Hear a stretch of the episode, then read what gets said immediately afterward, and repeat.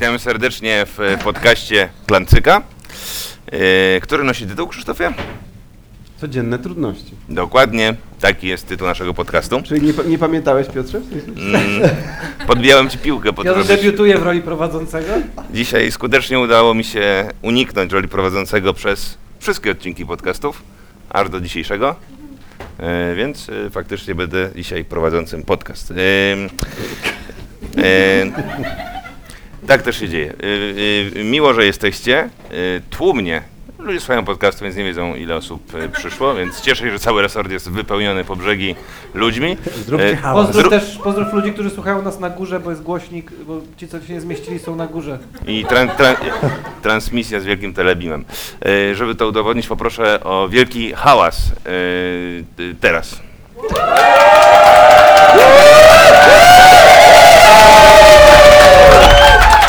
Przestańcie, przestańcie, nie trzeba. E, e, wspaniale, że jesteście. E, I dzisiejszy, dzisiejszy podcast będzie podcastem, no chciałem powiedzieć nietypowym, ale będzie dość typowy, ponieważ będę zadawał pytania, które wymyśliłem. Na pewno gość będzie niesamowity. Gościem tym jest wybitny improwizator, aktor, człowiek, nikt z tego gro- grona tutaj nie skończył szkoły teatralnej jako aktor, ewentualnie jako teatrolog. Tak? A kto skończył? Krzysztof Wiśniewski i wydaje mi się, że Maciej Buchwald jest teatrologiem. Znaczy, ja jestem reżyserem. Jest, re, no i to Skończyłem to wiem. Ale byłeś na teatrologii. tylko nie skończyłem. nie skończył. Mamy jednego teatrologa, jednego prawie teatrologa slash reżysera i informatyka oraz prawnika.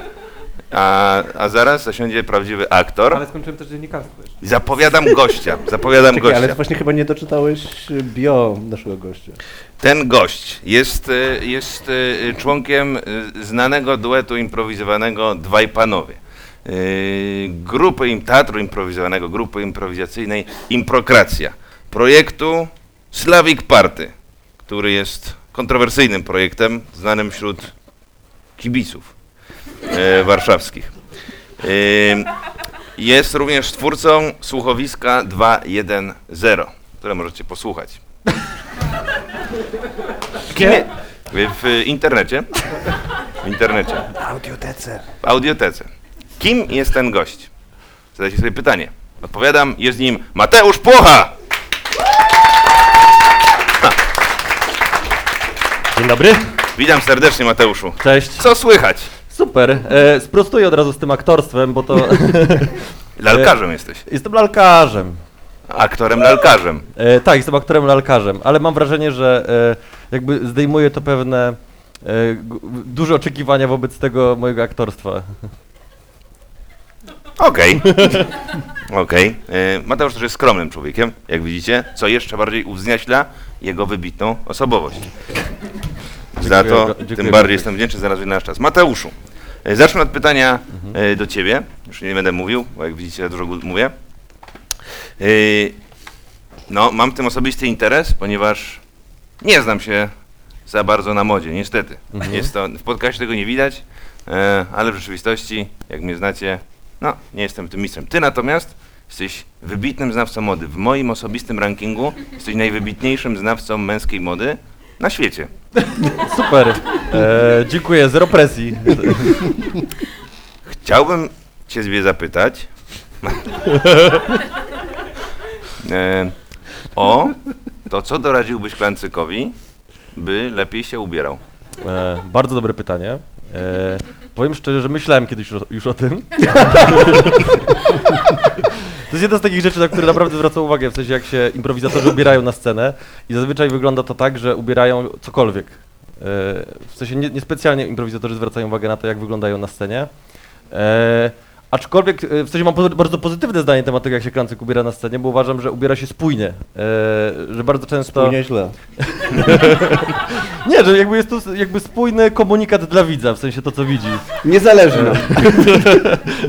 Nie, że, e, e, znaczy, kurczę, bo Ty, jaki, jest ten komunikat? mo, mo, no, że, e, jak to określić? E, że jakby ubieramy się luźno, więc e, to, co tutaj będzie, jakby nie jest jakoś super zobowiązujące, e, nie gramy jakieś super sztuki wysokie. Improwizacja nie jest sztuką wysoką moim zdaniem, więc e, nie, nie ubieramy się super poważnie w garnitury i tak dalej, i w koszulę.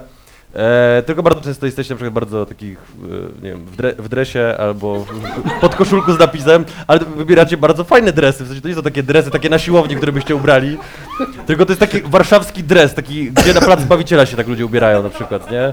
E, I to się wpisuje w, pe w pewną modę i pewną tendencję i jest to spójne dla mnie, nie? Że oglądam i myślę, okej, może to są dresy, może to są podkoszulki, e, może nie zawsze to wygląda super, ale jest spójnie. Czyli nic byś nie zmieniał, reasumując. Nic byś nie E, w zmieniał. sensie nie wiem, mam wrażenie, że byście wyglądali dziwnie, gdybyście wszyscy u, ubrali e, garniturowe spodnie i koszule. W sensie mam wrażenie, żeby to bardzo nie współgrało z tym, jacy jesteście na co dzień, nie? Okej, okej. Musimy, e, zanotowałem to. A to są dwie możliwości tylko, albo dresy, albo garnitury, tak? E, nie no. Można oczywiście, e, nie wiem, ubrać chinosy i na przykład białą koszulę. E, niekoniecznie to musi być... To są chinosy. E, Chinosy to są takie spodnie, e, no takie jak widzicie w chemie, kolorowe spodnie na przykład z do wyboru. gepardem, są serowe albo... Nadal nie rozumiem, co to są. To są cheatosy. Chinosy. Cheetosy? Wydaje mi się, Cheetosy? czy, Cheetosy? Na tym polegał mój żart. czy wydaje mi się, że Maciek ma chinosy na sobie? E, tak, to są chinosy, które ma na Fantastycznie, sobie. ludzie E, nie mogą tego ja zobaczyć. tego nie chinosy na zobaczą? E, Można, to ja nie jestem pewien, tak, to też są chinosy, spodnie chino. proszę, proszę wygooglować słowo chinos, I nawet nie wiem, jak je zapisać. C-H-I-N-O-S, tak? Okej. Tak. Nogi. Proszę? Nic. Dobrze. E, dziękuję Ci Mateusz za No tą proszę poradę. bardzo. E, nie wiem w zasadzie co wam doradziłem już teraz. E, w sensie, Że a, żebyście zostali tak jak jesteście ubrani, że to jest e, spójne. Okej. Ja E, usłyszałem tylko tyle, że nosimy dresy i powinniśmy nosić chinosy, po czym okazało się, że mamy chinosy. Maciek ma chinosy. Też Maciek w mojej, e, oso moim osobistym rankingu jest jednym człowiekiem klancyka, który wie, co wkłada na siebie. W tym sensie, że można zastanawiać się nad tym, czy to jest fajne, czy nie fajne, ale jest jakaś myśl za tym. I bardzo to podziwiam, Maćku. Dzie- Dziękuję, że właśnie wyłączyłeś mnie z grona tych, źle ubranych ludzi w klancyku, jednocześnie poddając wątpliwość. Nie wiem, czy się Nie, cieszyć, e, o, mi się osobiście podoba, no ale też zostawiam... ale e, mówisz, że się nie znasz na modzie kompletnie, więc... A może- chciałbym, dlatego zapytałem to o Mateusza. To, to, się, to nie jest tak, że się w ogóle nie znam, ale nie znam się na tyle, że powiedzieć, że się znam. Myślę, bardzo mało, nie znam, co ja bardzo mało, bardzo mało się znam, ale się różni od nie znam. jakbym powiedział, że w ogóle się nie znam, to znaczy w ogóle mnie to nie interesuje i nie chcę się znać. A ja powiem, nie znam się, ale chciałbym kiedyś, może za 20 lat dowiedzieć, znać. dowiedzieć. To ja, to ja mam tak z, z większością dziedzin w życiu, że tak jak ty, stylu, że, że się raczej nie znam, ale nie wykluczam, że może kiedyś bym się chciał znać. A na tyle, że pytasz ludzi o ciekawe, ciekawą, ciekawiące cię tematy. No, nad nie. No widzisz, to jest jednak różnica.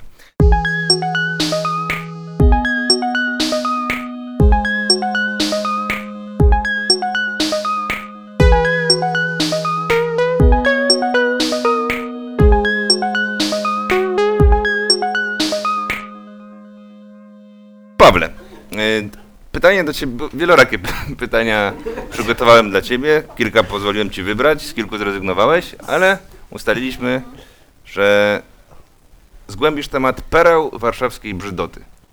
Ciekawy jestem, co Twoje badanie, skomplikowane, wierzę, że, że przyłożyłeś się do tego, z, zbadałeś dokładnie Warszawę. Co jest perłą brzydoty Warszawy? To jest w ogóle pytanie bardzo trudne, ponieważ y, ja uważam, że, że naj... generalnie Warszawa jest y, tą perłą brzydoty Warszawy. Czyli jako, jako całość, y, miasto ze wszystkimi jego dzielnicami, z charakterem, jest po prostu brzydkie. To nie znaczy, że nie lubię Warszawy, bo bardzo lubię Warszawę, mieszkam tutaj, nie chcę obrażać. Ktoś jest warszawiakiem tutaj? Cztery osoby. Ja też.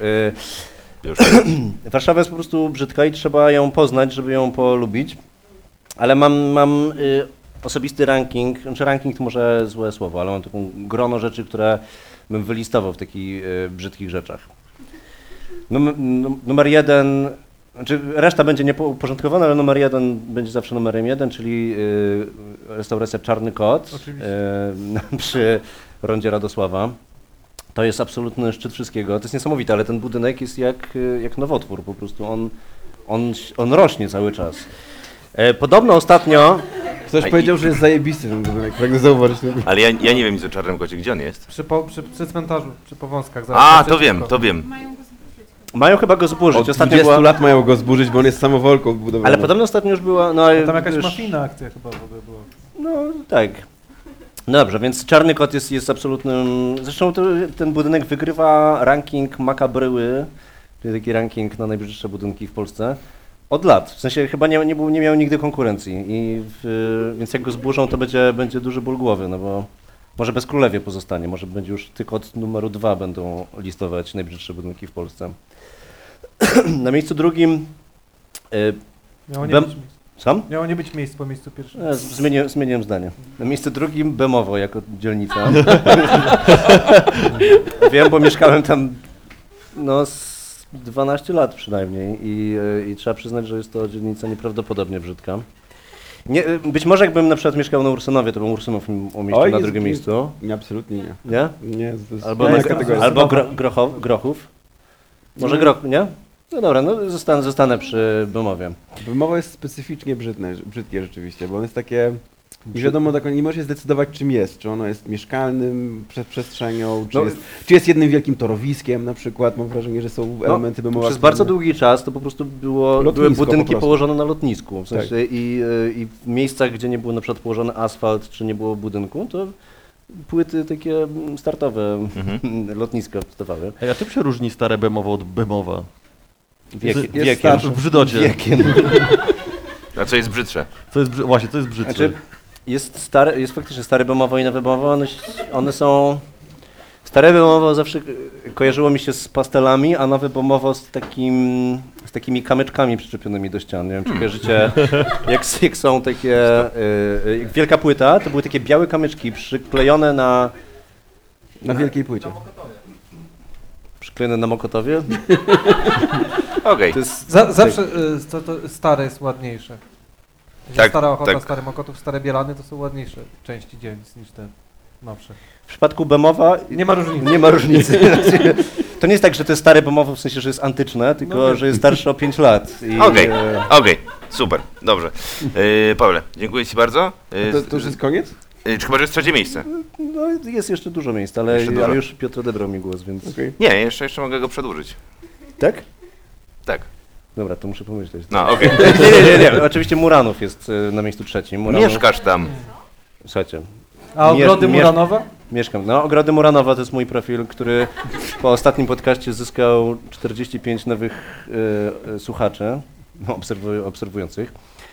M- Muranów jest, jest straszny. Nie, nie polecam bardzo mieszkania tam. To jest, e, w sensie jeszcze mi to nie przeszkadzało, dopóki tam po prostu s- nocowałem. Ale odkąd mam psa i odkąd spaceruję po Muranowie i mam okazję zapoznać się, jak, jak e, zachowują się ludzie na Muranowie, jak, e, jak wygląda tkanka tej, tej dzielnicy, no to muszę przyznać, że jest to, jest to brzydkie na bardzo wielu poziomach. E, Nie tylko na poziomie takim architektonicznym i organizacji przestrzeni, ale też to, w jaki sposób ludzie odnoszą się do tej przestrzeni. To, ci że sobie jakieś takie poletka zagarniają i każdy ma, ma tam swój, swoją stylistykę. To jest jeden wielki patchwork i taki bardzo brzydki melanż różnych złych pomysłów na organizację przestrzeni. No i ch- ch- chętnie odsyłamy do podcastu z, ma, z Mariuszem Szczygłem, gdzie Paweł opowiada, robi wnikliwą analizę Mu- Muranowa i ogrodów Muranowa. Tam możecie posłuchać y, całej rozszerzonej y, wersji jego opinii na temat Muranowa. Y, dobrze, Pawle, bardzo Ci dziękuję. Teraz już odbieram Ci głos. I y, przechodzimy do, w rundzie pytań do kolejnej osoby, którą jest Krzysztof. Krzysztofie, e, z prywatnych rozmów dowiedziałem się, że wychowujesz swoich synów w wierze politeistycznej. W sensie nie, nie istnieje żaden sprecyzowany Bóg, którego, którego wierzą. To jest nieprawda. To jest najbardziej warszawska rzecz, jaką I- słyszałem. Cytuję, cytuję dzisiaj twój syn w Muzeum Narodowym został dłużej w- w muzeum, ponieważ zobaczył e, figurę ukrzyżowanego Boga w jednej z Je- ekspozycji. Je- to jest Jezus, tak? Na krzyżu.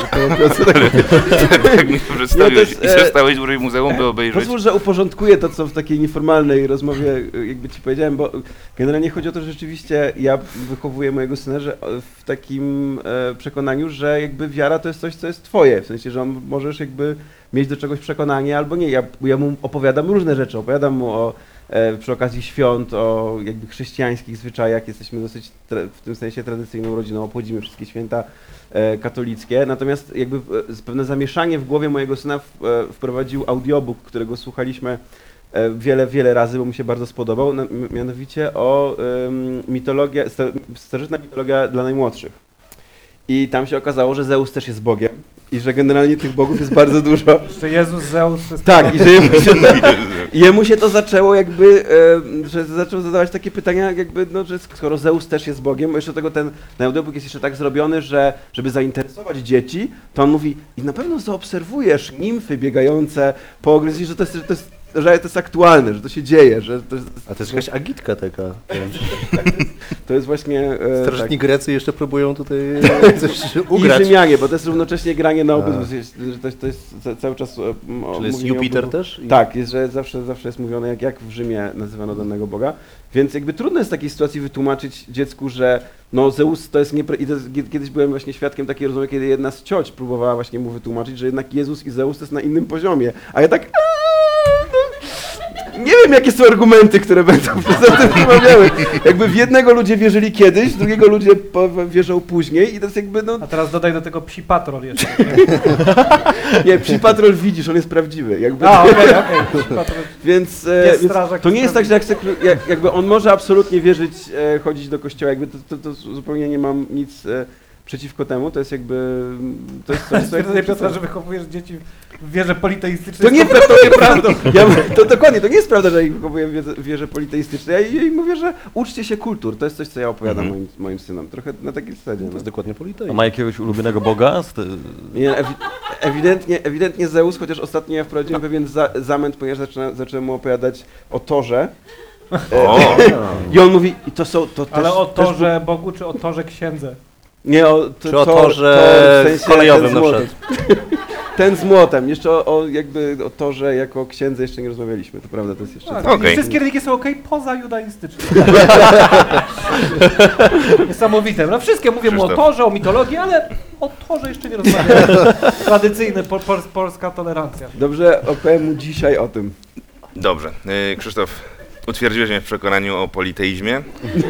Dziękuję Ci za to, za tą wypowiedź. W, kolejnej, w kolejnym pytaniu, w rundzie pytań, kieruję moje pytanie do... Masz jeszcze dwie osoby. Tak wymaga tak, tak długiego Do, Ma, do Maćka. Maciek dostał zadanie opowiedzieć o dwóch rzeczach. Może je połączyć, a może powiedzieć o jednej. Miałeś przygotować ym, wypowiedź. Tak, w ogóle dowiedziałem się o tym 10 minut temu, że miałem coś przygotować. Znaczy, Piotr kazał mi przygotować 10 minut temu, więc żeby Państwo No. nie oczekiwali cudów. e, o tym, jaki dobry uczynek, najpiękniejszy dobry uczynek e, z dru- od drugiego człowieka, jak ci spotkał w życiu, czyli jaki człowiek dał ci dobry uczynek w życiu. Zrozumiałem to pytanie. Ja nie- jedny rozumiem jeszcze.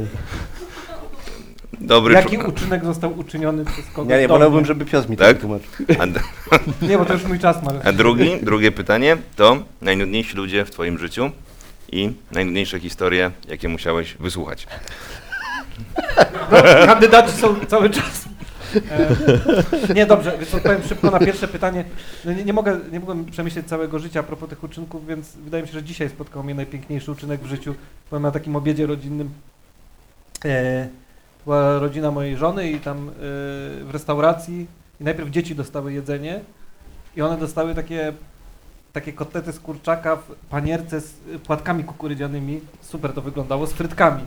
I mówię, ale to super, ale bym to wpierdolił. I zaczęły się dyskusje, że pewnie dorośli dostaną inny zestaw, że to jest taki klasyczny dla dzieci. No i faktycznie dostaliśmy jakieś, wiecie, mięso z jakimś sosem, z jakimiś burakami. Ja mam tak, fuck, i tam mówię takiej dwunastoletniej dziewczynki, że zazdroszczę ci tego. A ona, no i powiem ci, jest przepyszne, nie? I po chwili, i po chwili, i po chwili wjechały te nasze, te nasze dania i ona się zamieniła ze mną.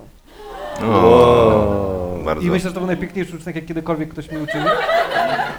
Serio, nie mogłem, znaczy myślałem, co by mogło przebić z całego moje, mojego życia, to ale nie. Odpowiadając na twoje pytanie, nie spotkało mnie wiele dobrych uczynków, e, uprzedzając, natomiast jeśli chodzi o nudnych ludzi, tam więcej jest. E, Je, jedną, jedną historię poprosimy. e, ja po, po prostu powiem o tych, mm, bo wydaje mi się, że anegdota powinna zawierać, znaczy, że anegdoty raczej opowiada się o czymś niezwykłym, co nas spotkało, albo jakimś śmiesznym, usłyszeliśmy, ktoś nas powiedział coś śmiesznego, nawet jeżeli to jest, nie wiem, ostatnio miałem taką sytuację, to jest może trochę rasistowskie, ale jest zabawne, jak poszedłem do wietnamskiej knajpy i pani do mnie, chcąc zapytać, co pan zamawia, powiedziała do mnie, jak pan mówi. Więc to jest, to jest, to jest na przykład anegdota, bo to jest, bo to jest, bo to jest śmieszne.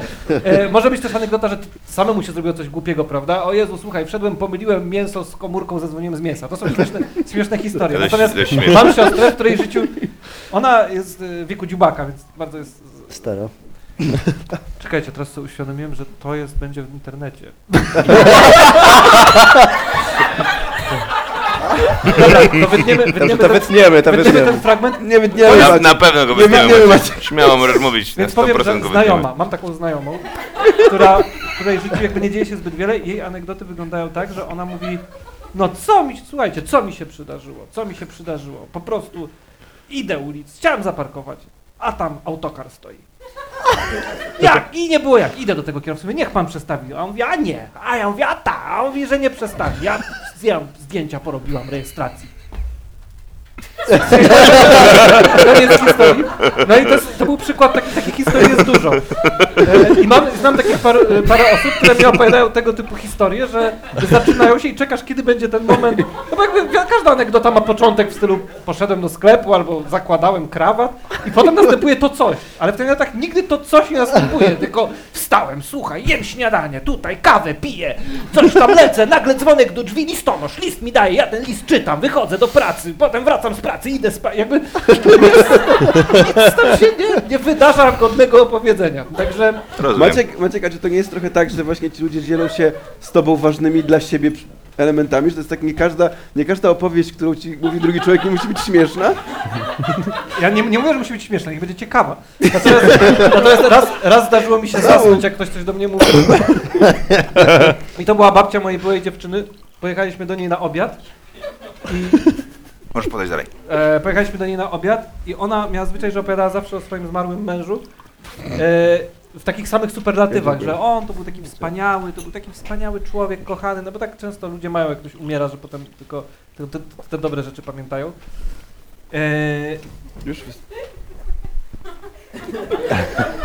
Wystarczy? I, Piotrze, opowiadam ci coś. Przepraszam. I, I było tak, że, że w pewnym momencie przy obiedzie y, zasnąłem, po prostu kiedy, ale nie, że zasnąłem, że wiecie, sytuacja na przykład jak na studiach się siedziało na wykładzie, czy, czy jest dużo osób przy stole, tylko byłem sam z nią. I ona siedziała naprzeciwko mnie i mówiła mi w twarz, i ja tak... To zasnąłem w trakcie opowieści, co nie, co nie, nie, jakby nie wytrąciło jej, ona opowiadała dalej, obudziłem się i jakby wróci... To jest tak jak włączasz klan po jakimś dłuższym czasie i tak możesz szybko nadrobić, no to trochę...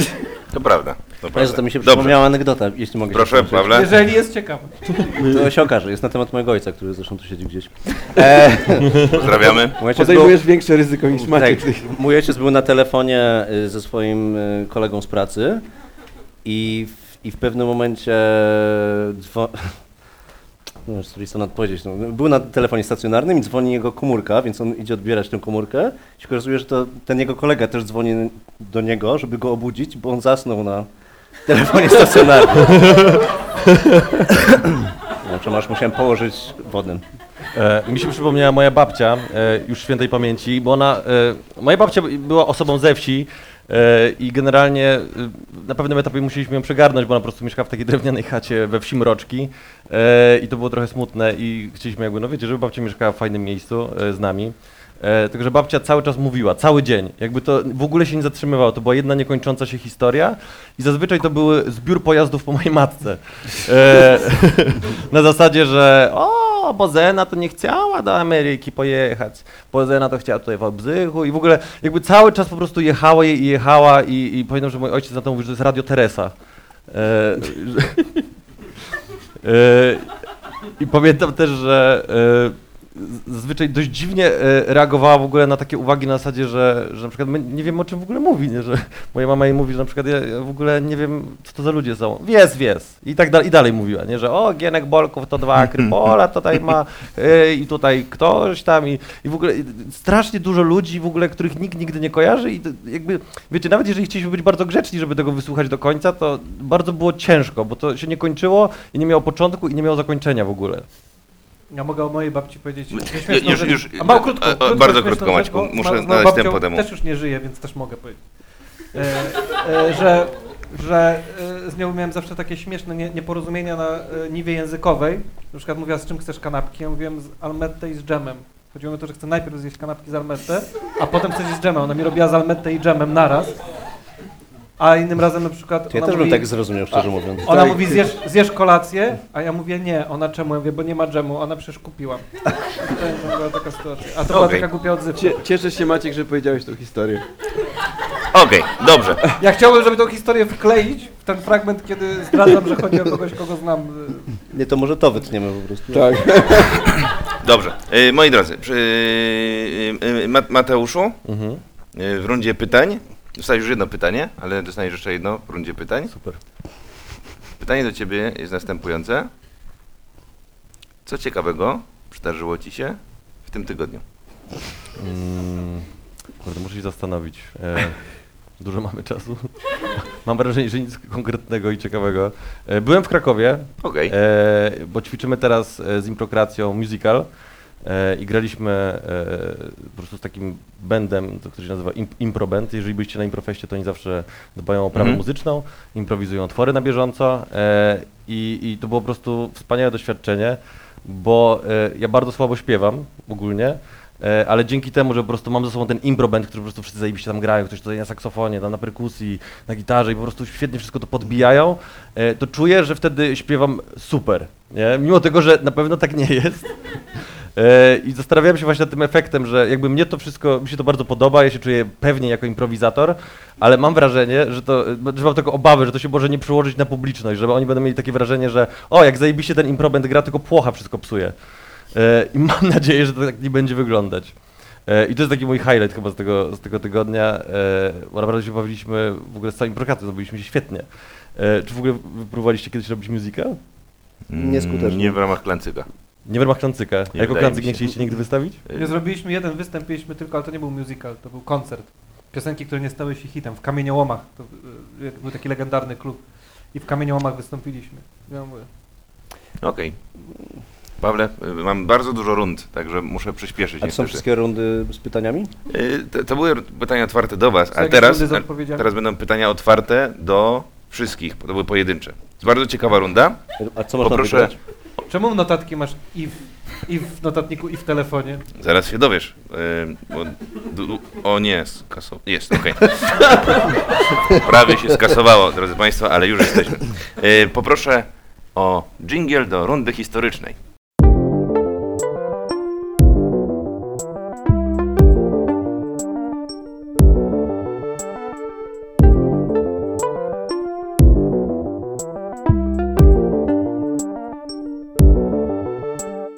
Runda historyczna polega, wybrałem sobie na tapetę wydarzenie, które znają wszyscy Polacy praktycznie.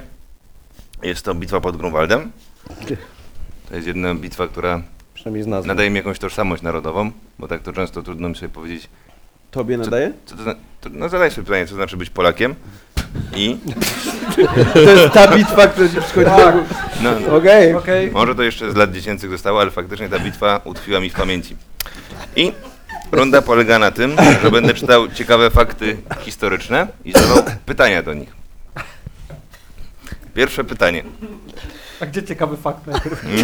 No to, to jest ciekawy Na fakt. To jest, ciekawy, to jest ciekawy fakt. y, Z, tutaj jest źródło historia.org.pl Żeby nie było, że Ja matacze. na ciekawe fakty. Tak zwanych wilczych dołów nie było. Wbrew obiegowym opiniom krzyżacy nie wybrali starannie miejsca bitwy, ani nie przygotowali zasadzki. O tym, iż polskie wojsko znajduje się nieopodal, dowiedzieli się rankiem 15 lipca, czyli wtedy, kiedy obie armie nieomal jednocześnie przybyły w rejon Grunwaldu. Nie mieli czasu na kopanie dołów, zwłaszcza, że musieli ustawić się w szyku bojowym. Jedyne źródło, które wspomina o wilczych dołach, to kronika Bychowca z XVI wieku. Jej autor mógł ubarwić swój opis. Teraz chciałbym, żebyście się wcielili w rolę kronikarza z Bychowca. Dodatkowym bonusem będzie to, jeśli nadacie swój opis, swojemu opisowi kronikarski sznyt i opowiecie o tym, co jeszcze mogli przygotować Polacy, krzyżakom oprócz wilczych dołów? To było To odwrotnie, krzyżacy- Polacy Polaków. krzyżakom, dokładnie. Nie, nie, nie no Dokładnie. właśnie nie. To jakby Wilcze Doły mieli przygotować krzyżacy w oczekiwaniu na Polaków. To wynikało też z tej ciekawostki. Naprawdę? Ale Nie. właśnie, właśnie Ale, ale Piotr, pocieszę cię. przed chwilą przeczytałeś, że, to dziewa. Piotr, ale pocieszę cię, to nie było Wilczych Dołów. Nie, nie, to jest nie, nie. z... Przed chwilą tak. przeczytałeś, że, że Niemcy, bo jednak umówmy się, to byli Niemcy. E, dosyć z tymi krzyżakami, faszyzmem. To bardzo... E, Przed chwilą, przed chwilą przeczytałeś, że Niemcy nie mieli czasu przygotować wilczych dołów. Okej, okej. Z- y, No faktycznie tak brzmi.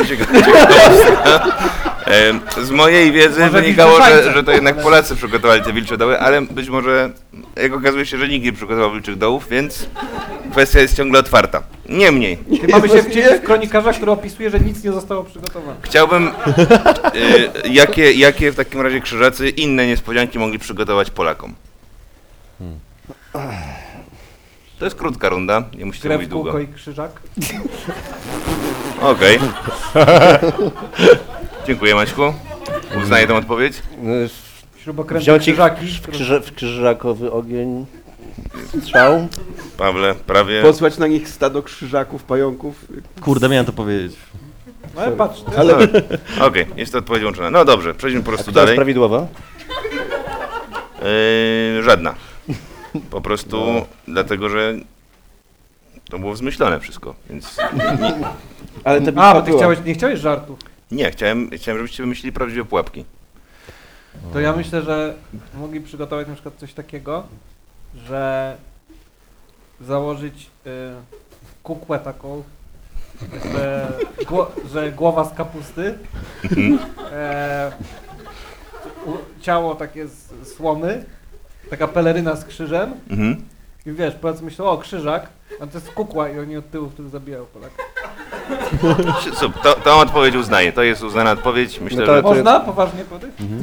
Bigos trojański. Proszę, No taką wielką, wielki dół wy, mogli wykopać, narobić tam bigosu i schować się w tym I bigosie. Polacy mają takie, o I bigos, po- Polacy tak, o bigos i jemy. I, a oni tam ze środka bardzo ostre przyprawy powiedzmy. super, to są odpowiedzi, które uznaję. Czy ktoś jeszcze ma jakąś swoją odpowiedź? Ja mam taką, może, może po prostu e, przygotowali się, mogli się przygotować w ten sposób, że przez pół roku bardzo ciężko ćwiczyli, e, robili dużo pompek, robili przysiady, walczyli ze sobą, zebrali konie, bardzo dużo żelastwa, takiego, które się wtedy nosiło, miecze i po prostu wygrali ciężką pracą.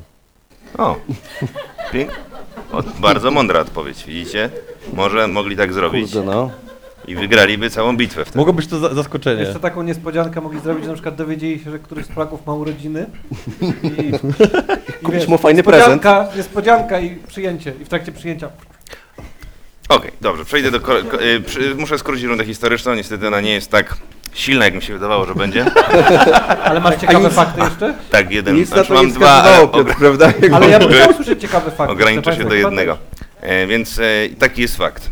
Jagiełło wysłuchał dwóch mszy w, przed bitwą. Nie wysłuchał ich z pobożności. Pytanie? Dlaczego ich wysłuchał? Odpowiedź nie jest śmieszna, ale chciałbym zobaczyć wasze Dlaczego dwóch, hipotezy. czy- Dlaczego wysłuchał aż dwóch mszy? No bo Polacy Bo- są strasznie wkręceni w te religie, nie? Ale Jakby- właśnie mówię, że nie z Bo byli, pobożności. bo byli Polacy i Litwini. I w dwóch Były w językach. dwóch językach? No nie? dwóch Ja nie wiem, obrządkach? w wtedy wszystko nie było po łacinie, ale katolickim i No, w protestanckim. protestanckim Mm. to na pewno nie. A nie, ale- nie było jeszcze potem.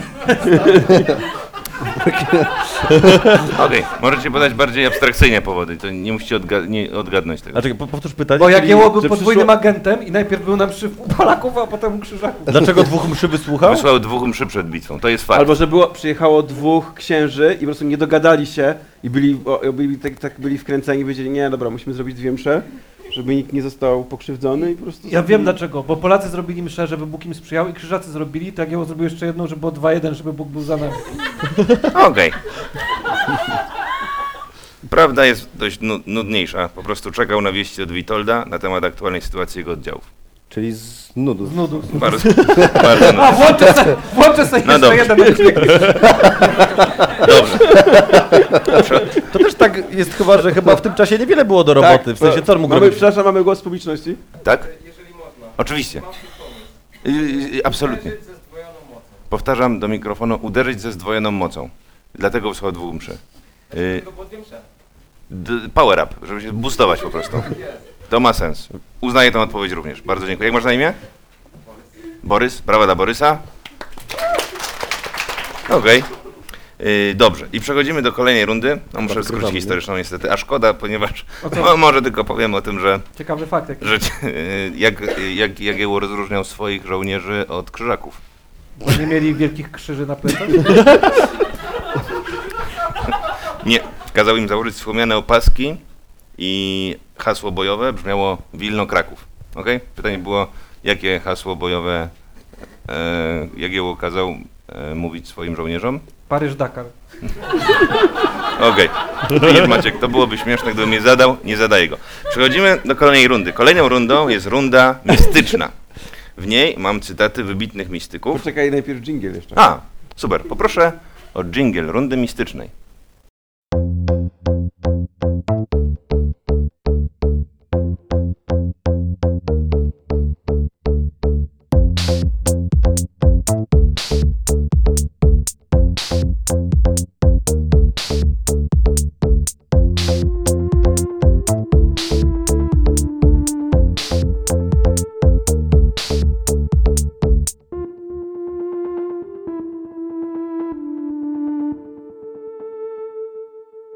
Runda mistyczna to cytaty wybitnych mistyków oraz pytania otwarte do Was.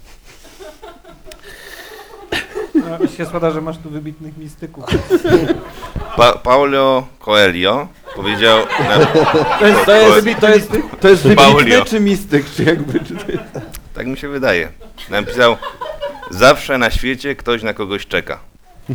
Chciałbym, żebyście znaleźli swój odpowiednik, podobne powiedzenie, które byłoby prawdziwe i w podobnym stylu jak ten cytat. Zawsze na świecie ktoś jest głodny. Zawsze na świecie ktoś jest głodny. Tak powiedział Mateusz Płocha. Dziękuję. Ja ostatnio wymyśliłem bardzo takie mądre zdanie, tylko zapomniałem. Było, ale było prawdziwe. Staram sobie przypomnieć. Nigdy, nigdzie nic. To jest mój odpowiednik To jest prawdziwe. Zawsze gdzieś coś. Dziękuję. Maciek?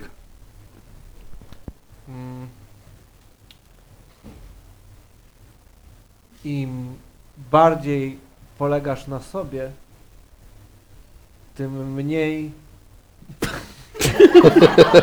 To jest to mądre zdanie, które wymyśliłeś ostatnio? Tak? Mniej, koniec. Okej, Kropka. myślę, że to jest dobry Trzy, moment. kro, trzy kropki są na końcu. Maciej Buchwald, to będzie nasz, nasz mistyk. Super. I, e, i teraz e, prawdziwe pytanie. E, e, z, autor Małego Księcia O, napisał... już, już wiem, jakie to było mądre zdanie. Proszę. Im mocniej, im, im, im mocniej stąpasz po ziemi, tym lżejszy jesteś. Mm. To piękne słowa, Maciek. Muszę je zapisać. Nie musisz. Im mocniej stąpasz po Nagrałeś ziemi... się. A, okej. Super. Y, y, dobrze. Y, prawdziwe pytanie teraz. Możecie odpowiedzieć śmiesznie, prawdziwie albo żartem. Ja wybieram, żart- wybieram żartem. To ja wybieram już. Człowiek naraża się na łzy, gdy raz pozwoli się oswoić. Tak napisał autor mojego księcia i na zawsze ponosi odpowiedzialność za to, co oswoiłeś. Jak rozumiecie te słowa? I czym jest dla was przyjaźń?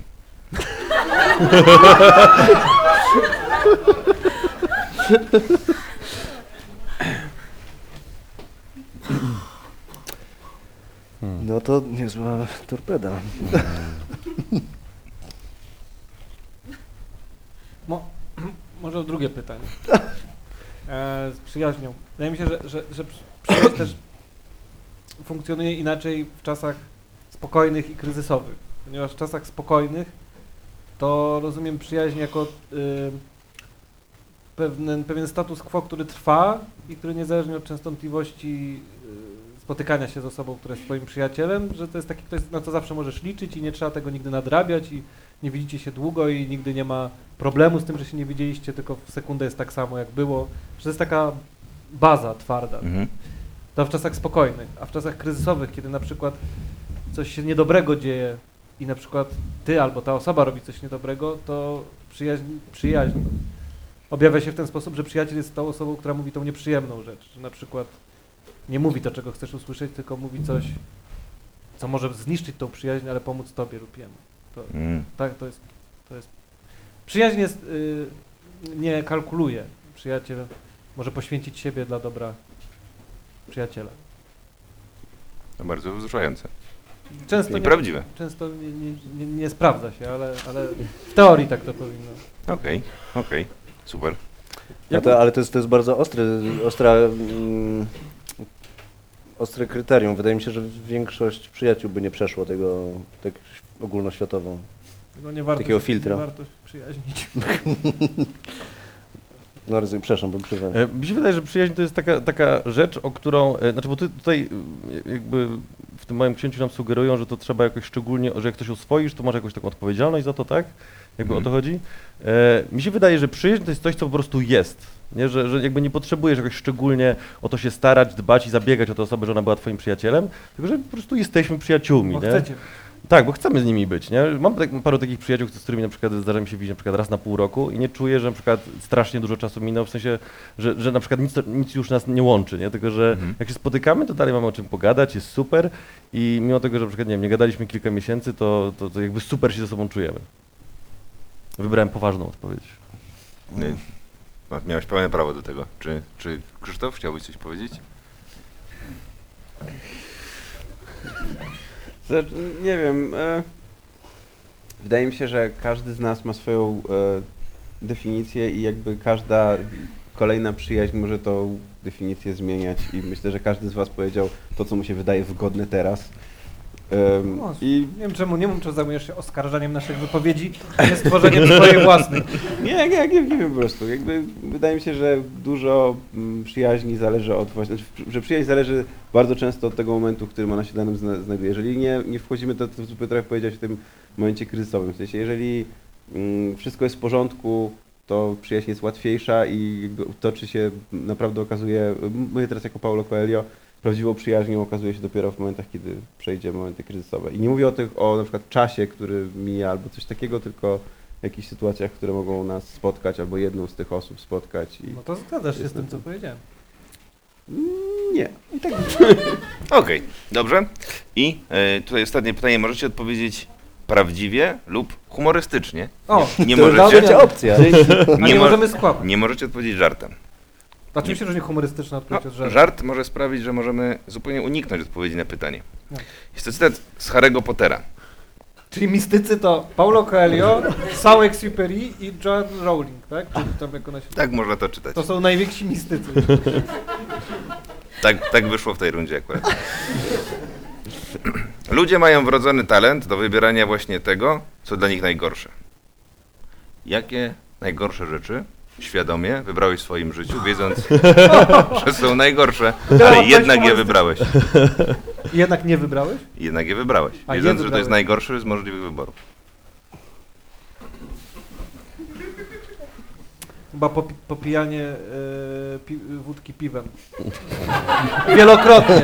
Wielokrotnie wiedziałem, Tak, stoi tak, i tak. wiem, że to, tego, wiem, że to jest No, ja bym poszerzył to. W ogóle mieszanie alkoholi. To jest taki, to jest zawsze najgorszy wybór, a jednak No, ale to Wielokrotnie się da się- ale popijanie to się da kontrolować. To jest zawsze zły pomysł, zawsze zły pomysł. Bo nie można, bo Mm. jak schodzisz, to jest źle. Jak już jakby pijesz... Nie no, wi wiadomo jak jest teoria picia, tak? Że trzeba wchodzić No w górę właśnie, z procentami, no ale jak impreza cię pochłonie, to... A ja mówię o tym konkretnym popijaniu, że popijasz, że jako popite masz piwo do wody.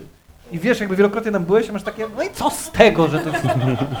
Jutro się będę No martwił. dobrze, ja, ja, ja nie zaprzeczam, tylko mówię, że to jest szczególny przypadek wielu innych rzeczy, które następują. No tak, no tak. No, no ale to, to, to jest na przykład taki przypadek, że to jest złe. Kiedyś ukradłem koledze długopis z flagą Pepsi, to też było złe. Takie wsykało się i flaga Pepsi wyskakiwała. I on mi powiedział, że da mi go następnego dnia, ale nie mogłem wytrzymać, więc wykradłem mu szafki w przedszkolu. I zrobiłem, zrobiłem to świadomie. Ale dlaczego? Tak, męczyło mnie to latami potem. Chciałem odszukać tego kolesia, nie ma go na Facebooku. Naprawdę. Okej, dziękuję Ci Maćku. E, czy, czy ktoś z Was chciałby jeszcze się wypowiedzieć w tym temacie? E, Ja pamiętam, że kiedyś poszedłem na e, 12 godzin e, koncertu e, festiwalu, który się nazywał Gorgalor bo ja bo słuchałem death metalu e, i to były takie najbardziej brutalne możliwe zespoły, jakie po prostu można sobie wyobrazić, z takimi bardzo złymi nazwami. I pamiętam, że jak 12 godzinę już oglądałem tylko, byłem sam w ogóle na tym koncercie, nie poszedłem z nikim, bo nikt w moim gronie takiej muzyki nie słucha. I do tej pory niestety tak jest, że jak chcesz jakiś koncert, gdzie drą japę, no to no muszę iść sam, nie? I to jest trochę smutne, ale trochę już mi to nie przeszkadza, nie? I pamiętam, że jak oglądałem dwu- 12 godzinę właśnie tych koncertów, gdzie po prostu ludzie wchodzą, tam jeden koleś z Hiszpanii tam udawał, że odgryza nogę komuś na scenie, jakieś takie po prostu strasznie chore rzeczy.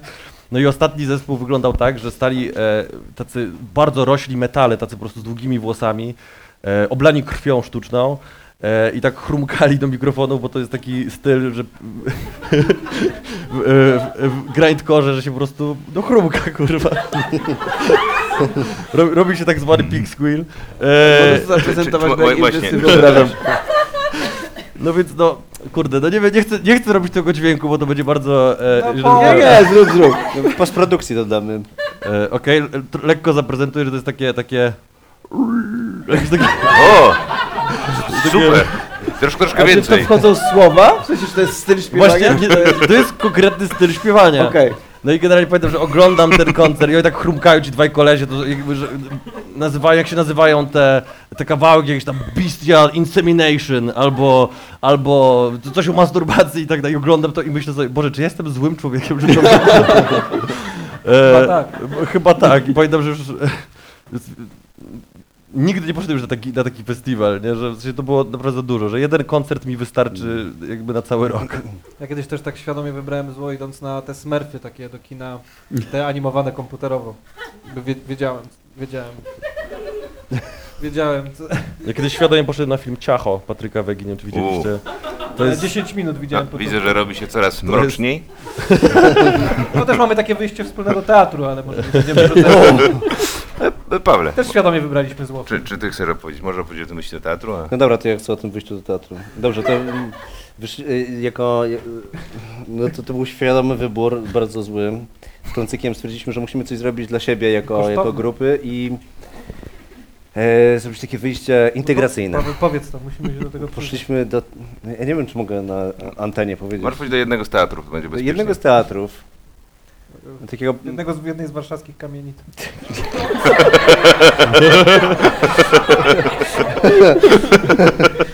I, e, i my mieliśmy poczucie, że to jest bardzo zły pomysł nie, i nie wiedzieliśmy jeszcze jak bardzo zły. E, spektakl nazywał się ZUS, czyli Zalotny Uśmiech Słonia. Nie, przepraszam, Nie, przepraszam, nie, SPA, nie. czyli Salon Ponętnych Alternatyw. Czy tam ta nazwa jest prawdziwa poprzednia? Tak, tak, tam, tam też tam, to jest Bo my spektakl. rozważaliśmy to, bo generalnie Tak, ten był wybór między SPA a wieczór, ZUS-em. Tak, nasz wieczór rozpoczął się wiele tygodni wcześniej, kiedy żeśmy planowali to i czytaliśmy tytuły spektakli, opisy tych spektakli i jednak zdecydowaliśmy się na SPA. Tak, no SPA nas bardziej y, przekonał, bo, bo było w opisie, że będzie częściowo po góralsku. Było. I faktycznie było. Były cytaty z księdza Tischnera, y, były dwa, Trykające się barany. dwa trykające się barany na takich dużych konstrukcjach, takie Dużo drewniane. pro z mężami, kochankami, szafami, szlafrokami. Tak, mało rzeczy się wiązało ze sobą, dużo było jakichś takich pretekstowych rzeczy, żarty z homoseksualistów i no generalnie dużo, dużo bardzo taki na- natłok Takiej, Wyrywania sobie- Żenady, tak. potwornej żenady I, i, i na początku to było taki trochę takie, takie, takie chłonięcie, jakby się bardzo zły film oglądało i takie o Jezu, ale złe, ale, ale, ale, ale rozrywka. Ale w pewnym momencie to już było takie, jakby ktoś mi y, papierem próbował mózg przeciąć. Y, to, to był naprawdę taki ból jakiś metafizyczny przeżywałem. Myślałem, że, że nie wiem, no, że samobójstwo można popełnić w takim teatrze. I uwaga, po antrakcie stwierdziliśmy, że no nie możemy, no wydaliśmy 85 zł. 55 zł. Za, bilety w ostatnim rzędzie. E, I stwierdziliśmy, że nie, no, że dla dobra tego, tego całego wyjścia, żeby to nie okazało się porażką, że zostaniemy do końca. I zostaliśmy do końca. Przepraszam, bo coś mi się przypomniało, ponieważ ja te bilety zamawiałem i tak mi było wstyd, że zamówiłem jedno nazwisko Wiśniewski.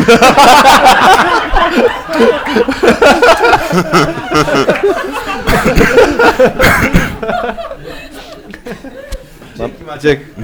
To jest popularne nazwisko, no to jakby wiesz. Mam nadzieję, że nie słucha nas Kamil Emiliański. Emilian... Powiedziałeś już nazwę tego spektaklu, gdzieś wszyscy się Właśnie, jakby Właśnie, zorientują. tak się prawda. z tym teatrem, a podałeś dokładną nazwę spektaklu. To prawda. E, dobrze. W każdym teatrze może być taki spektakl. Dziękuję, dziękuję po, za, to, za tę anegdotę. E, e, Krzysztof, czy ty byś chciał podzielić? Nie, nie musisz oczywiście, ale jeśli już będziesz się dzielił, to możesz odpowiedzieć humorystycznie lub Ja nic- prawdziwie. Ja nic nie przebiję już z tego, co tutaj było, więc jakby wydaje mi się, że Wybierasz Tak bezpieczne, bezpiecz, bezpieczeństwo. Szanuję to. mogę zacząć następną rundę, żebyś nie czuł się, że odrzucam twoje pomysły po prostu. Fantastycznie. Dlatego poproszę o dżingiel do rundy widza.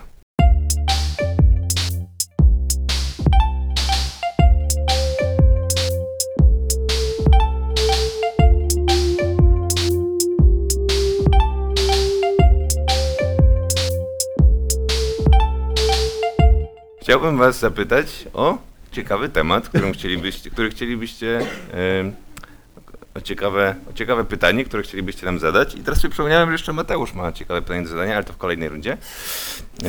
Ym, y, jaki- czy jest jakieś pytanie, które chcielibyście nam zadać? Albo ciekawy fakt, którym chcielibyście się podzielić?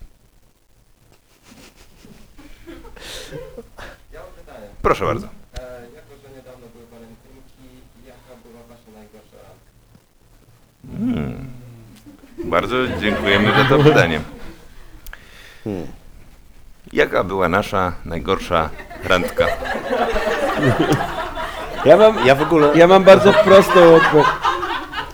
E, moja, najgorsza, moja najgorsza randka to była e, randka, która, no, która się nie odbyła. W sensie to było tak, że to, było, to były czasy liceum i miałem dziewczynę, której bardzo mi zależało i jakby z, wreszcie zdecydowałem się zaprosić ją na wspólne wyjście. Już nie pamiętam, co mieliśmy razem robić, pójść na jakąś wystawę w ogóle, coś takiego.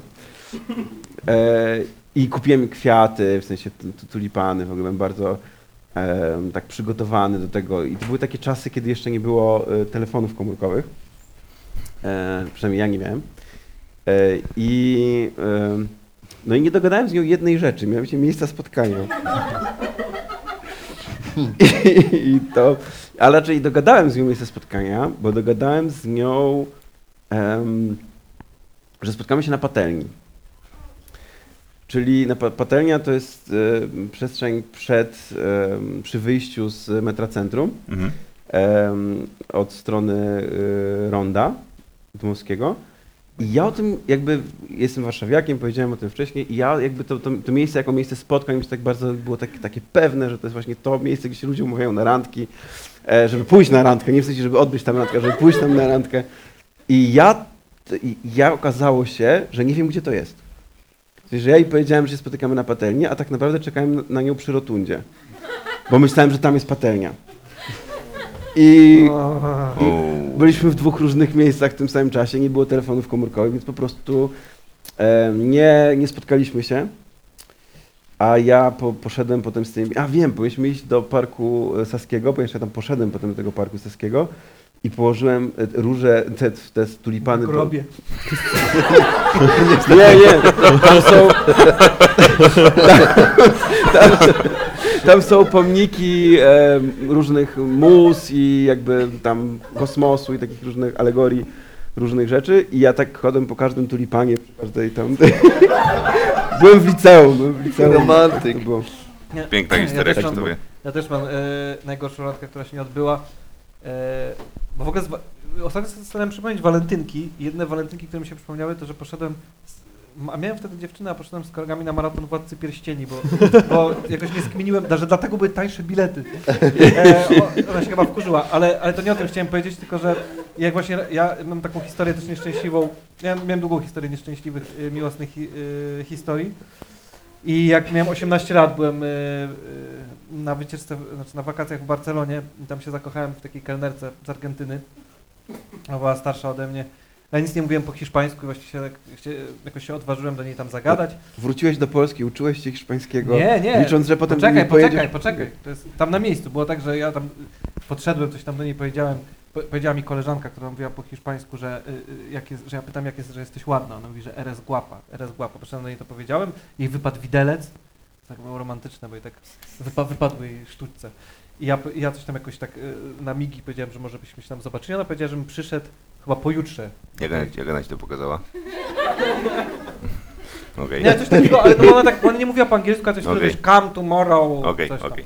No i ja, ja się całą noc uczyłem hiszpańskiego. I, uczyłem, i tak uczyłem się, jakby co jej powiem, w ogóle. E, no jakoś odpicowałem tam na maksa. Pamiętam, że kolega mi wtedy też dał prezerwatywy i ja mu tak powiedziałem, to, tak odrzuciłem je, że co ty, mi nie o to chodzi, że jestem zakochany. że byłem wściekły, że on to sprawił, do czegoś takiego. No i, e, no i kupiłem jakieś kwiaty w jakiejś ob- obleśnej takiej folii mi ten sprzedawca, tak szedłem, zrywałem te folie. Wszedłem tam oczywiście za wcześnie. To był pierwszy raz w życiu, kiedy byłem na coś za wcześnie. Zawsze się wspomniał. I tak się, też ostatni. i, przesia i przesiadałem, przesiadałem się siedem razy, że to tak, to tak, coś tam tak, że jak mam siedzieć.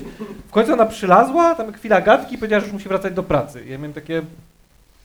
Mhm, jakby myślałem, że spędzimy razem ten wieczór. No ale nie, ale dała mi swój numer. I potem ja dzwoniłem do niej, ona coś nie odbierała i tak po prostu nic nie mogłem jeść, przeżywałem, strasznie cierpiałem. Było mi źle i w końcu odważyłem się, że pójdę tam po prostu na przypale. Muszę kończyć, tak?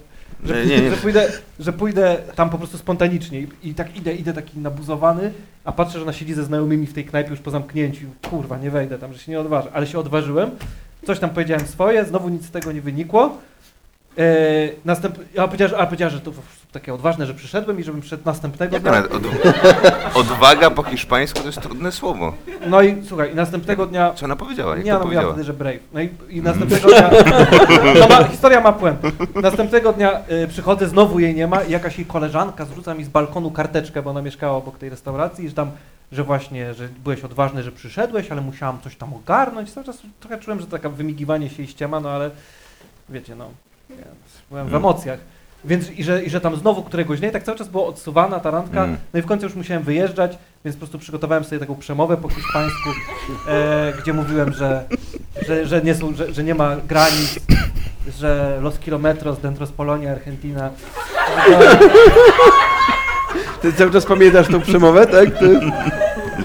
Kilometru. Znaczy w ogóle, na, w ogóle yy, też jedna z puent jest taka, że umiem mówić po hiszpańsku, dlatego, bo, bo potem od razu się zapisałem w Polsce i mówiłem. Eee, I no i ona, yy, no i powiedziałem jej, że w ogóle mogę na nią czekać, ona, że to się to bzdura, że to jakieś nieprawda. No i wróciłem do Polski, napisałem jej maila, bo miałem maila, yy, że jakby cały czas podtrzymuję, oczywiście tam starzy mnie pojechali, że co ty się zakochałeś, głupi jesteś, ale, yy, ale cały czas byłem w tym uczuciu i napisałem jej maila, że jakby podtrzymuję to, co mówiłem, że po prostu czuję, że jestem zakochany i ona mi odpisała, yy, no bo nie mówiła za dobrze po angielsku, odpisała mi You are a fantastic gay.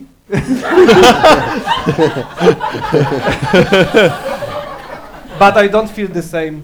No i, y, no i jakby ja się z tego wyleczyłem, a potem przypadkowo oglądałem mecz jakiś na Mistrzostwach Świata Argentyńczyków. Okazało się, że oni są z tej samej wioski co ona, tam San Martin de los Andes i że znają ją, że ona jest instruktorką snowboardu.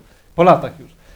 Ja stwierdziłem, że to śmieszne, że, na, że wyślę jej, bo zrobiłem sobie zdjęcie z nią wtedy i że wyślę jej to zdjęcie na zasadzie zobacz jak śmiesznie, że jakiś kontakt po latach się odnalazł. I ona mi odpisała, wow, ale niesamowite, przypomnij mi jak długo byliśmy razem.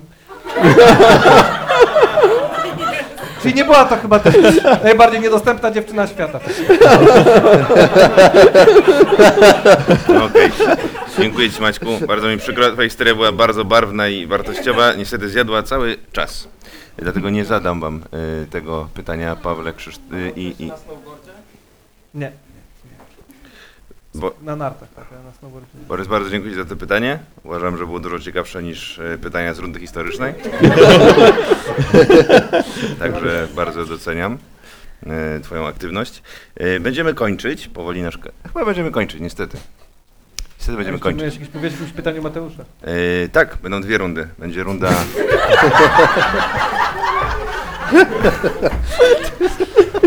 Dobrze, że Będzie- usuwasz to powoli, bo będzie e, runda. Moją taką petardę, stary. Będzie runda Mateusza, a następnie ostatnia runda to będzie runda, której opowiem o rundach, które się nie odbędą. Bo. Yy, no bo nie, nie, nie, nie mam niestety na nie czasu. Ale mamy czas, żeby roztrząsać to, tak? Dobrze. Yy, Mateuszu, poproszę o jingle do pytania gościa.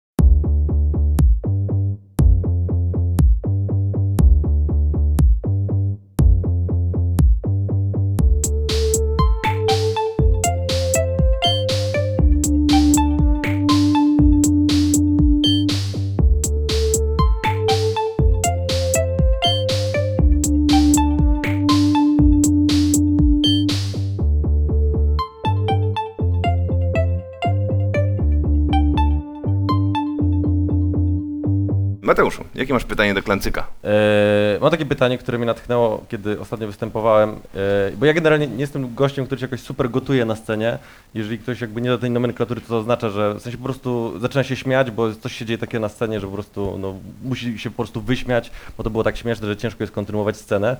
E, I to była jakaś kompletna bzdura w ogóle, która mnie rozbawiła ostatnio. E, myślałem, że mi się to raczej nie będzie przydarzać. E, I może ja opowiem na końcu, a zap- zadam wam pytanie, jaka jest taka rzecz na scenie, jak improwizowaliście, że po prostu nie byliście w stanie kontynuować sceny, że tak was rozbawiła? To ja, ja nie byłem w tym spektaklu, jak musisz opowiedzieć o spektaklu, gdzie e, nie, nie mogłeś wejść do postaci, do, do, do spektaklu, bo się z ciebie śmiali. w- e, Meksykanie? Tak. To- Ale nie, jest wielbłąd. No jest legendarne, No, tak. legendarna No to jest, to jest, bo, bo takie rzeczy jest sporo tak naprawdę, No. się zdarzają co jakiś czas. Ja w ostatnim spektaklu Paweł mnie też tak zgotował tą żyletką, że mieliśmy, byliśmy kibicami Legii, wewnątrz żylety była żyletka, on miał sklep z wędlinami i wymyślił, żeby jego żyletka kroiła jego wędlinę. Też się wtedy zgotowałem. Ale to jest, to jest kontekstowe, to może nie jest tak wyrwane z kontekstu, natomiast jest rzeczywiście przykład taki, w którym zgotowali się wszyscy i po prostu wszyscy się popłakali. Nie ten, o którym mówi Piotr, bo to już w ogóle jakiś, oni się nade mną znęcali po prostu, udawając Meksykanów i ja nie byłem w stanie, nie mówiłem, że nie chcę już, żeby było więcej Meksyku, były inne sceny i tam i cały czas był powrót do Meksyku, ale to było raczej takie właśnie już e, jakieś też insiderskie, natomiast to, ten taki legendarny klancykowe zgotowanie, to jest ja z Krzysztofem graliśmy scenę w restauracji, że Krzysztof chyba mnie zabrał, że ja byłem taką dziewczyną o bardzo wyszukanym guście, on mnie zabrał do najbardziej wyrafinowanej restauracji na, w Warszawie, gdzie są jakieś takie super wyszukane potrawy i mówi, ty jesteś taka właśnie, wiesz, masz taki gust, że tutaj są naprawdę jakieś dziwne potrawy. No i wychodzi pierwsza osoba, mówi tam szpada wędlin. Potem wychodzi dziubak i mówi pies zapieczony w skórze kota. Na co i tak był ko- kolejne rzeczy, kolejne rzeczy coraz bardziej, na co nagle Bartek Młynarski w rogu sali robi coś takiego i mówi wielbłąd w meteorycie. I to był moment, w którym, e, w którym nikt nie wytrzymał, jakby nie było czego zbierać. I na widowni, i na, na scenie. Okej, E, jako że czas, czas nas goni, macie jakieś odpowiedź, ale e, Mateusz bardzo chce usłyszeć twoją Eee, historię. Więc ona jest strasznie głupia, to jest bardzo głupia rzecz, która mnie zgotowała i nie sądziłem, że to będzie akurat tak bzdurne. E, i mam nadzieję, że uda mi się to przekazać. E, wyglądało to mniej więcej tak, że e, z, z kontekstu sceny wynikało, że mój kolega Mateusz Skulimowski, który akurat grał scenę, ma dupę w głowie. E, I to było podkreślane parę razy, więc zamiast czy w środku? E, Nie w środku, więc ja zagrałem scenę, w sensie, żeby to podkreślić, że to o to chodzi, że zagrałem lekarza, który mówi, no zrobiliśmy prześwietlenie, no niestety ma pan dupę w głowie i że będziemy musieli to operować.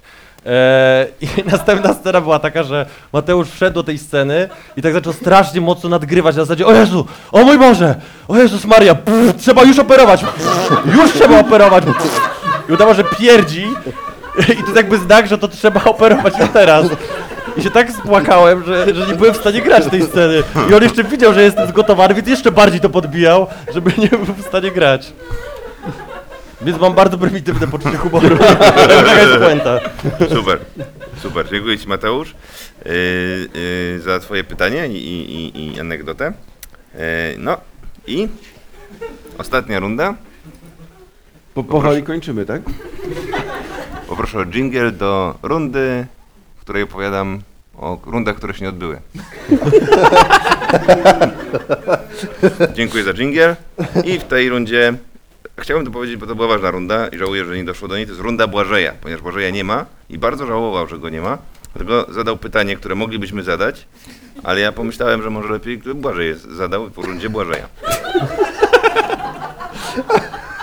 Możecie wymyślać, jak wyglądałyby zasady, jakie, zas- jakie panowałyby zasady na planecie stworzonej na nasze podobieństwo. Ciekawe pytanie. No to czemu go po prostu nie... Nie było czasu.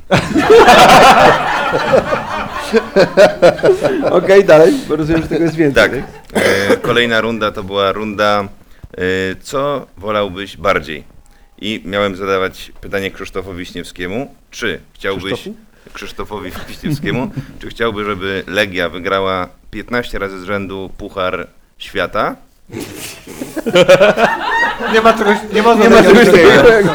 Znaczy naj, naj, naj, najbardziej zasłużone puchar dla piłki nożnej?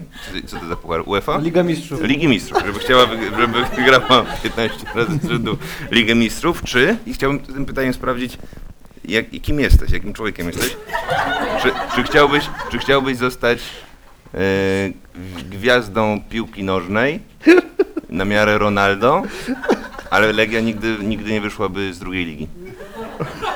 Zdecydowanie Legia wygrywa 15 razy. A, może, jeszcze tylko może tak, tak albo nie, już nie możesz uzasadnić niestety. Czyli wybierasz Legię. Tak, zdecydowanie. O, zdzi- zdziwiłeś mnie teraz, szczerze mówiąc. Dziękuję. Y, Paweł miał się dowiedzieć, czy wolałby zostać berserkerem, czy borcą podatkowym. Jak Może jest- odpowiedz, zdążymy. Tak, Czy berserkerem, czy poborcą podatkowym? tak. Oczywiście, że poborcą podatkowym. To, to chyba Okej. To chyba oczywiste, nie? Mm, no i to było tyle w myślę, tej że- rundzie. Potem miałem wymyślić jakieś Patrz, rzeczy. zdążyłeś! Chyba pa, Państwo się trochę cieszą, że nie zdążyliśmy tej rundy, prawda? No i to by było na tyle. Jeszcze i miałem wymyślić potem zadanie dla e, Mateusza i Maćka, ale już nie muszę tego robić, ponieważ podcast właśnie się skończył. E, serdecznie dziękuję Mateuszowi Płosze Tak, tak się odmienia. za uczestnictwo w naszym podcaście. Wielkie brawa dla... Przepraszam, ale wiecie, wiecie Tak? jaki mi żart niestety przed do głowy? Proszę. Serdecznie dziękuję Mateuszowi. Płoszę. Jezu, kończmy to, Boże! Szybko, kończmy ten podcast! Nic lepszego się nie pojawi! Super. E, Mateusz, dzie- mega dzięki, że do nas wpadłeś. Bardzo wam dziękujemy, że, że wpadliście e, i nas wysłuchaliście. Dziękuję za zaproszenie. Podcast. Brawo. Podcast już wkrótce będzie do wysłuchania na wszelkich możliwych platformach